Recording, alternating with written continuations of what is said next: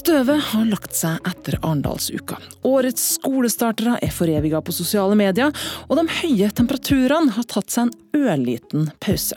Skulle tro at vi kan erklære den offisielle høsten for åpna. Du hører på mediemagasinet Kurer, og mitt navn er Kristin Norvoll Mork. For mange nordmenn har sommeren vært lang og varm. For mange bønder altfor lang og altfor varm. Og norsk mediedekning har gått fra å være glad og positiv det kan bli satt nye varmerekord i Norge i I dag passerte vi varmerekorden på Blindern i Oslo. Og det var nettopp her, ved målstasjonen rett bak meg, at den forrige rekorden ble målt. Det går altså mot en rekordvarm mai for Sør- og Østlandet til helgen. Mm, og her står vi. Varme og sol gjør noe med oss alle. Det gjør jo noe med humøret. Det blir jo Til å bli litt mer negativ og mollstemt. Faren for skogbrann er så stor at det er satt inn fem ekstra brannhelikoptre.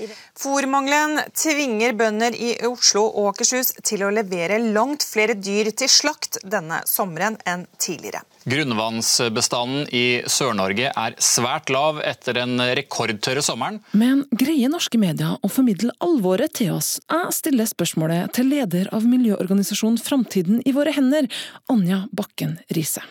Vi skal være åpne for eh, noen, noen gladsaker om, om, en god sommer. Men jeg syns jo at, uh, at eh, norsk presse har vært dårlig på å sette sommerværet i sammenheng med klimaendringen. Altså det, det, etter sånn tre måneder med veldig varmt vær, da begynte vi å få de sakene.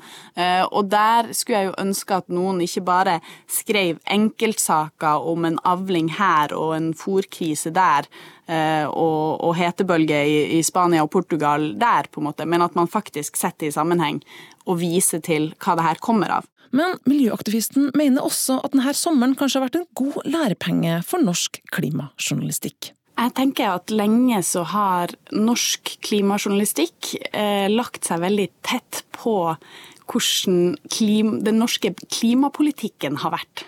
Og den har jo vært prega av å være veldig teknisk. Det har handla mye om eh, CO2-nivåer, om kvotehandel, om PPM og forkortelser og klimatoppmøter i andre land som har vært veldig fjernt fra folk og fra folk sin hverdag. Jeg tror ikke det har engasjert verken journalister eller folk i veldig stor grad. Eh, når det er sagt, så tror jeg jo at med denne sommerens ekstreme vær, så har for både journalister og for folk flest så har klimaendringen føltes nærmere. Vi har opplevd litt mer på kroppen, og vi har sett litt eh, rundt oss hvilke konsekvenser som vil komme med det. Eh, og det gir meg et lite håp om at eh, klimajournalistikken i Norge også kan komme litt nærmere folk. Nærhet for oss nordmenn har vist seg å være viktig når framtiden i våre hender har prøvd å komme til orde i norsk presse det er en stor interesse for saker som er nær, altså gjerne sånne forbrukerrelaterte eh, spørsmål.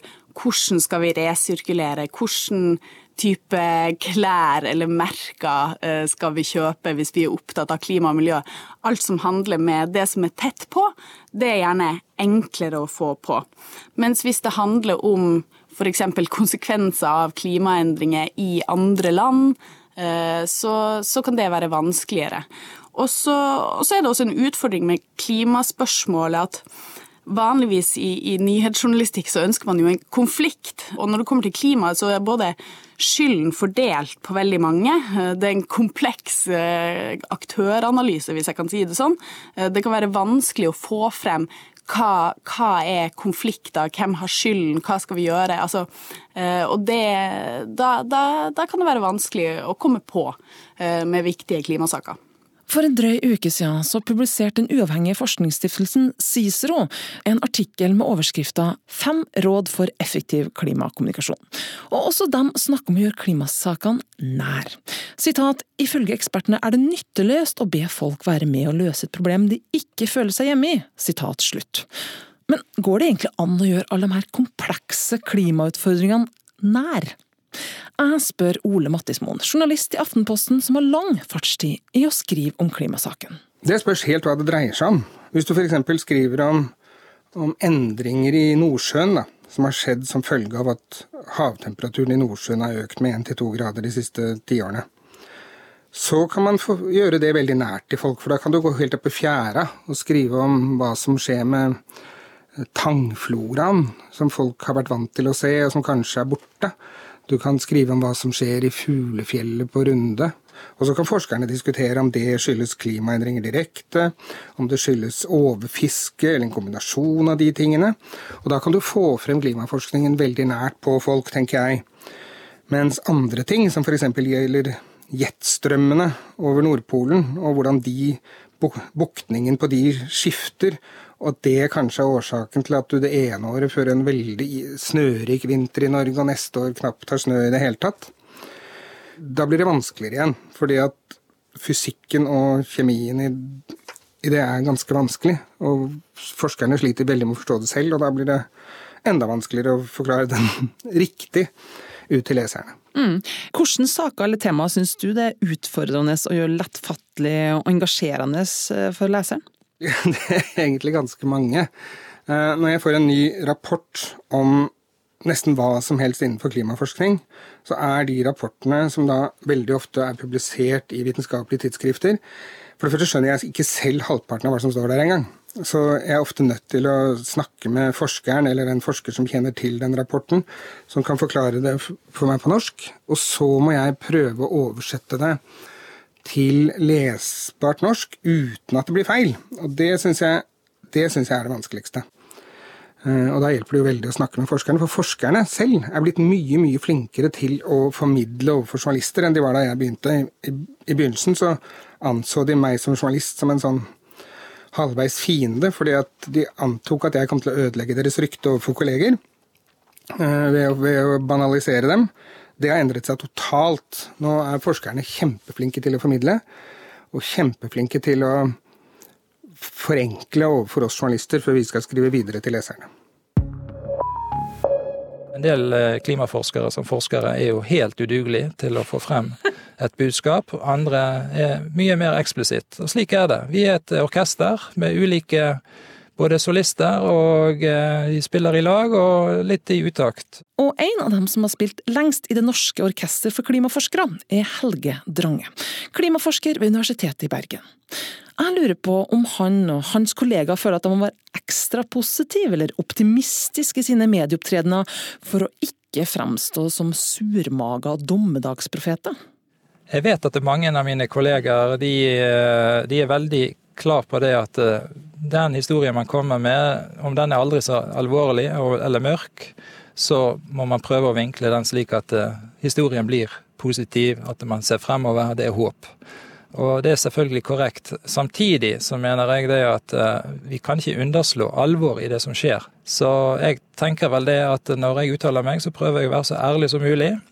Og selv om jeg er en relativt positiv person, så er det ikke slik at uh, budskapet mitt alltid er positivt. Tvert om. Og da mener jeg at det er dette jeg mener. Det er det jeg mener det er hold for å si, basert på forskningsresultater og målinger.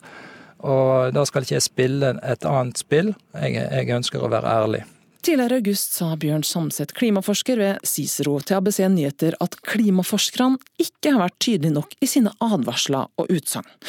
Kan kollega Drange kjenne seg igjen i den beskrivelsen? Tror det er rett å si det at eh, klimaforskere generelt vil være mye mer forsiktige enn alarmerende i sine uttalelser. Jeg eh, tror nok det at jeg tilhører eh, den kategorien som prøver å være klar når jeg uttaler meg, og har fått en del pepper for det, da. Men det er slik at vi må skille mellom å skrive en vitenskapelig artikkel som skal inn i en fagjournal med fagfellekritikk, og det er jo den, det standardmaskineriet som forskere går gjennom for å få publisert sine resultater. Og det å formidle kunnskap til folk flest. Og når vi snakker til folk flest, så skal det være korrekt, men det, det er ikke slik at du kan komme inn med 500 eller 780 menner og, og, og visser og så videre, og antagelser. Så da må man forenkle. Så det spørsmålet egentlig er om i hvor stor grad er man villig til, eller føler man seg trygg på å forenkle, slik at man sikrer at hovedbudskapet når frem. Hvis vi hele tiden skal snakke til folk flest som om vi snakker med en kollega, så vil man bare stå igjen som spørsmålstegn på, på den andre siden. Så det går ikke. Helge Drange har forska på klimaet siden 1990 og har mange presseopptredener på samvittigheten. Hvilket bilde vil han tegne av norsk klimajournalistikk? Jeg tenker at eh, norsk klimajournalistikk er som eh, kanskje eh, journalistikk generelt, at det er journalister da, som skal ene dagen være i rettssak, den andre dagen er det en trafikkulykke, og så er det noe nabostrid. Og så kommer det kanskje klima inn et eller annet sted. Så det er generalister vi snakker om, og relativt få som eh, bruker veldig mye av sin tid, eller mesteparten av sin tid, på klima- eller miljøspørsmål.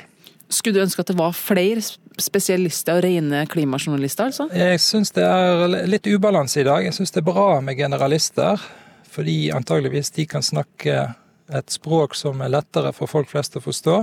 Men vi mangler eh, gravende, spørrende, undrende journalister, og da må man ha ganske bra kunnskap og forståelse for tematikken. Andreas Ytterstad jobber som førsteamanuensis ved journalistutdanninga ved Oslo OsloMet. Jeg spør han om også han syns at norske journalister har for lite kunnskap om klima. Egentlig et juksespørsmål, i og med at han driver kurs i klimajournalistikk ved Institutt for journalistikk og mediefag. Altså, Det er umulig for meg å svare nei på det spørsmålet. Altså, Selvfølgelig så trenger man mer kunnskap. Men eh, en viktig tanke bak det å ha kurs i klimajournalistikk, det er at journalister trengs som generalister. Altså, noen trenger å dra sammen kunnskapen fra rettssalen på den ene sida til eh, avlingen som, er, som går eh, ad undas for, for norske bønder osv. Og, så og på et eller annet slags vis klare å kna det sammen til å bli Eh, historier om klima som folk kan forholde seg eh, til. Det er klart at muligheten for å drive det varierer stort mellom redaksjoner og for journalister. Så det er jo vanskelig. ikke sant? Men jeg tenker det at det både skal være mulig for de journalistene som skriver ofte om klima, til å gjøre det på en bra måte, men at det også skal være mulig for eh, journalister som ikke har det som sitt område, til å kunne skrive fornuftig om klima. Det er ikke så lett å få til, men, men jeg kan ikke skjønne noe annet enn at vi må prøve. Og Ytterstad er nettopp en av dem som prøver å øke kunnskapen om klima blant norske journalister. Han holder et masterkurs i klimajournalistikk, og starta i 2014 opp et halvårig kurs i klimajournalistikk som en valgfri del av journalistutdannelsen ved det som den gang var Høgskolen i Oslo og Akershus.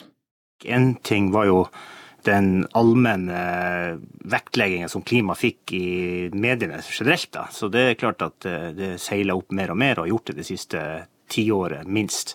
Men sånn mer internt for oss på eh, Oslo Metta, så eh, har vi mange år hatt miljøjournalistikk. Men vi så vel det at klima var i ferd med å bli noe som vokste seg ut over det som har miljø, eller bare natur, eh, å gjøre. Fordi klima ble en del av en økonomisk debatt, en politisk debatt, en etisk debatt, en rolledebatt. Kort sagt klima sprang mer ut i offentligheten som det tverrvitenskapelige fenomenet som det er. Inkludert årets kull, så har over 100 studenter meldt seg opp til dette faget.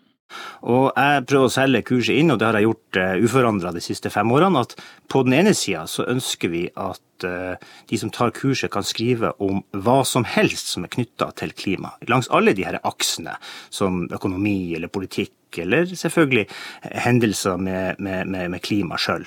Samtidig som jeg har lagt litt vekt på det her med transformations, eller omstilling eller grønt skifte har jo kommet inn i løpet av denne perioden også som et begrep i offentligheten.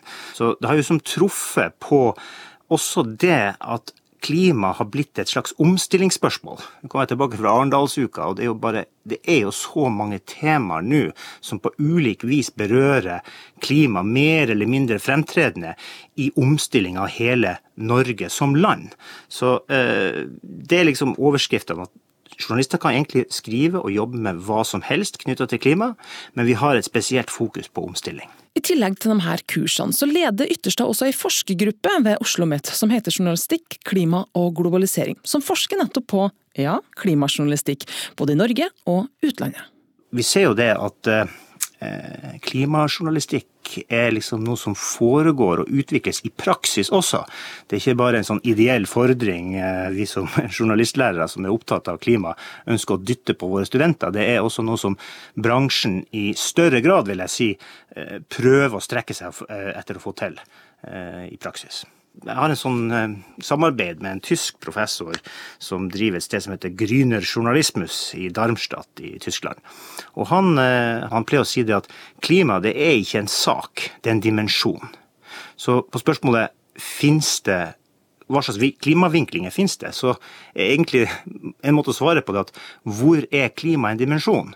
Og stiller du spørsmålet sånn, så ser du jo det at klima er en dimensjon fra ja, transport til eh, I går så, så jeg på eh, Dagsnytt 18, da var liksom klima som et sikkerhetsspørsmål oppe. Så, så det her tanken om at klima er en dimensjon med flere aspekter ved samfunnet, det var litt sånn idealistisk tenkt når jeg starta opp i 2014, men jeg opplever jo nå at klima ses nettopp på som en dimensjon ved stadig flere saker i eh, norsk offentlighet. Journalist Ole Mattismoen, som har skrevet om klima siden midten av 80-tallet, mener også at han ser at klimaet stadig får mer plass. Men så har den da igjen heldigvis tatt seg opp ganske kraftig de siste, de siste tiårene.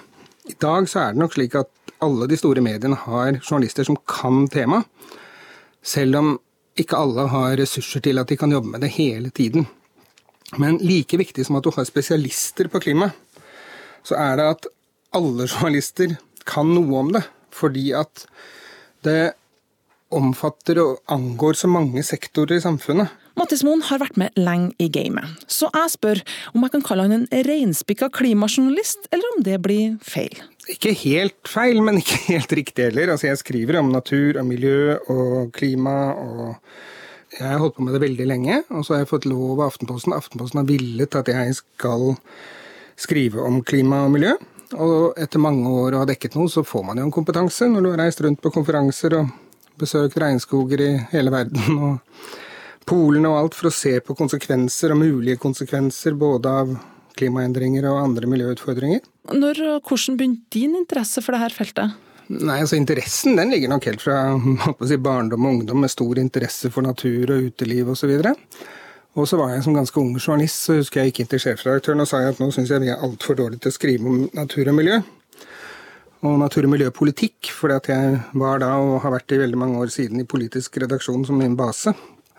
Og han sa at det var han enig i, og det kunne jeg begynne å skrive om. Og, og, dette var vel sånn type midt på 80-tallet, så det er ganske lenge siden. Og på slutten av 80-tallet så dukket klimaproblemet holdt jeg på å si, opp som en mediesak da FNs klimapanel skulle legge frem sin første rapport og da var det naturlig, selvsagt, at jeg, at jeg kasta meg over det. Og den gangen var klimaforskerne sånn omtrent ja, 50-60% sikre på at klimatrusselen var eh, Eller klimaendringene kunne være delvis menneskeskapt. Og så har jeg fulgt det, da, hele veien frem til siste rapport, hvor de konkluderer med at det er minst 95% sikkert. Og det har vært en reise som har vært uh, veldig fascinerende og veldig spennende. Men hvordan står det til med objektivitetsidealet når man jobber med et slikt alvorlig emne? Det lurer jeg på. Tenker Mattismoen at norske journalister skal være nøytrale, eller greier de i det hele tatt å være klimanøytrale? Altså, jeg vet ikke om noen journalister i det hele tatt noensinne klarer å være helt nøytral om noe som helst. Akkurat som folk flest neppe er nøytrale til noe som helst. Men som journalister så skal vi selvsagt være kritiske. Vi skal være kritiske til forskningen. Vi skal så langt det er mulig ettergå forskningen, sjekke at den er kvalitetssikret. Men det igjen er også fryktelig vanskelig, for klimaforskning er jo fysikk og kjemi og biologi og alt på et veldig høyt nivå. Så for en skarve journalist så er det jo fryktelig vanskelig å være hva skal jeg si, faglig kritisk, men da gjelder det å ettergå de nye rapportene så langt det er mulig. da. Så det er et vanskelig terreng å operere i som journalist, og, men også utrolig fascinerende og spennende. Men eh, ditt arbeid helt fra starten og til nå, eh, hva vil du si om din egen uttrykk, ditt eget ståsted og standpunkt eh, ut fra når du jobber så mye med det her stoffet? Ja, altså jeg, jeg er personlig helt overbevist om at menneskers utslipp av klimagasser er i ferd med å føre til klimaendringer som kan bli veldig alvorlige og som vi ikke aner konsekvensen av. Men Men jeg mener at det er så alvorlig at menneskeheten er nødt til å ta uh, et oppgjør med dette her. Og det mener jo etter hvert de aller, aller, aller fleste, både journalister, politikere, næringslivsledere og alt over hele verden. Heldigvis. Selv om det innimellom kommer bremseklosser som får makt, som prøver å, å begrense det som skjer. Men jeg tror utviklingen har kommet for langt. Uh, det skjer så mye positivt i verden at, at jeg tror dette går riktig vei, men det går veldig seint. Mm. Blir det da din personlige agenda som driver deg, hvilke saker du skal skrive om, eller er det Aftenposten som styrer det? Altså, jeg er jo journalist i Aftenposten, og alle saker jeg skriver, de avtales jo mellom meg og mine ledere. Og noen ganger er det de som har ideer, og andre ganger er det jeg som har ideer, akkurat som, akkurat som all annen journalistikk. Min agenda i det er å, hvis jeg har noen, det har jeg vel, det er å belyse dette temaet. Få frem vitenskapen, få frem hva som kan skje, hva forskerne har kommet frem til, og å få frem løsningene. Du skriver jo mange saker. Ser du en rød tråd i hvilke saker som blir lest mye? Nye klimanyheter, for å si det sånn. Altså ny forskning på klima. Nye ting som oppdages. Det leses godt.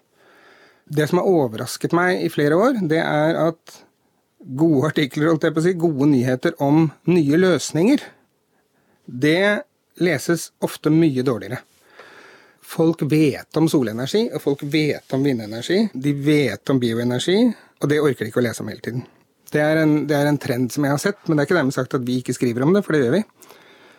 Men så fort vi klarer å plukke det ned på et nivå som angår folk, som f.eks. at du i Oslo kan produsere din egen solenergi og selge inn på nettet, da blir lesningen god igjen. Sånn at jeg tror at mange oppfatter de store teknologiske løsningene, enten det gjelder nye fly som forurenser mindre osv. Det er for fjernt. Og bare, bare, folk vet om at det skjer ting, så er de fornøyd. De orker liksom ikke å bruke masse tid på å lese om det. Men nye klimakonsekvenser, enten det dreier seg om for artene i Arktis eller for eh, artene på Hardangervidda, eller ny kunnskap om havstrømmene, så leses det fortsatt veldig godt. Plasthval, ekstremsommer, ekstremvinter det er etter hvert en del eksempler på klimasaker som får mye oppmerksomhet i norske medier. Men hvem er de sakene som ikke får det? Til høsten skal Framtiden i våre hender i samarbeid med analysebyrået Retriever se på medieomtaler av klimakrisa, og se om de kan finne noen glemte kriser. Men oppfatter de i dag at det er noen klimasaker som får uforholdsmessig mye mediedekning? Det spør jeg leder Anja Bakken Riise.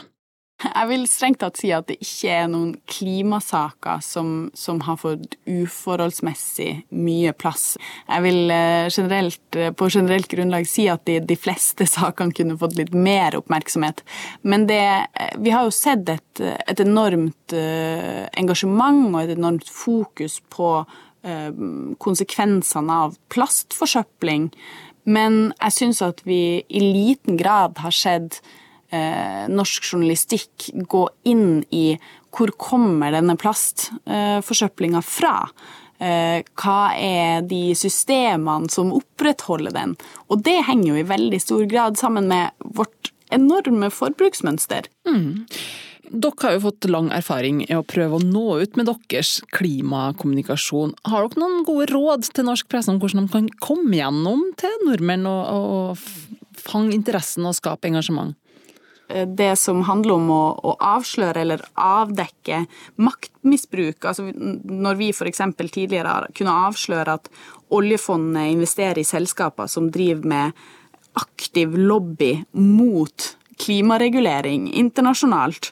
Det er jo sånn som både er høyst relevant for den norske befolkninga å, å, få et innblikk i, og som skaper et enormt engasjement. Eh, så, så å jobbe mer for å avsløre sånne type ting, eh, det syns jeg at norsk eh, journalistikk kan gjøre mer av. Bakken Riise håper å se enda mer gravende klimajournalistikk i framtida, og det står langt oppe på ønskelista til både klimaforsker Drange og førsteamanuensis Ytterstad. Hva tror journalist Ole Mattismoen kommer til å se en slik ressurskrevende satsing hos en hardt pressa mediebransje? Jeg mener vi ser det allerede. Nesten alle medier i Norge, store medier, har journalister som kan både klimaendringer og klimaløsninger, og vi ser at mange journalister som ikke skriver om klima som sådan, er innom klimaendringer og klimaløsninger i sitt journalistiske virke jevnlig. Og det tenker jeg er den veien å gå, fordi at klima må være et område akkurat som alt annet. Enten vi snakker om si, inflasjon eller utdanning eller barnevern, så må klima liksom være normal, et normalt tema. Det kan ikke være et spesialområde. Men samtidig så trenger du akkurat på klimavitenskapen, de som liksom holder kål på forskerne og den siste forskningen, der trenger du nok journalister som kan mer enn de fleste. Og det tror jeg også er, kommer til å være en selvfølge. Du ser jo i britisk presse satset stort på klimajournalistikk i en rekke medier. Mm, men tror du at det finnes eh, vilje og penger, ikke minst, til mer gravejournalistikk innenfor klima? Hvis det kommer de gode graveprosjektene, så tror jeg ingen redaktør kommer til å si nei til det. Og jeg tror også de aller fleste redaktører i Norge kommer til å prioritere klimajournalistikken fremover, for de har rett og slett ikke noe valg.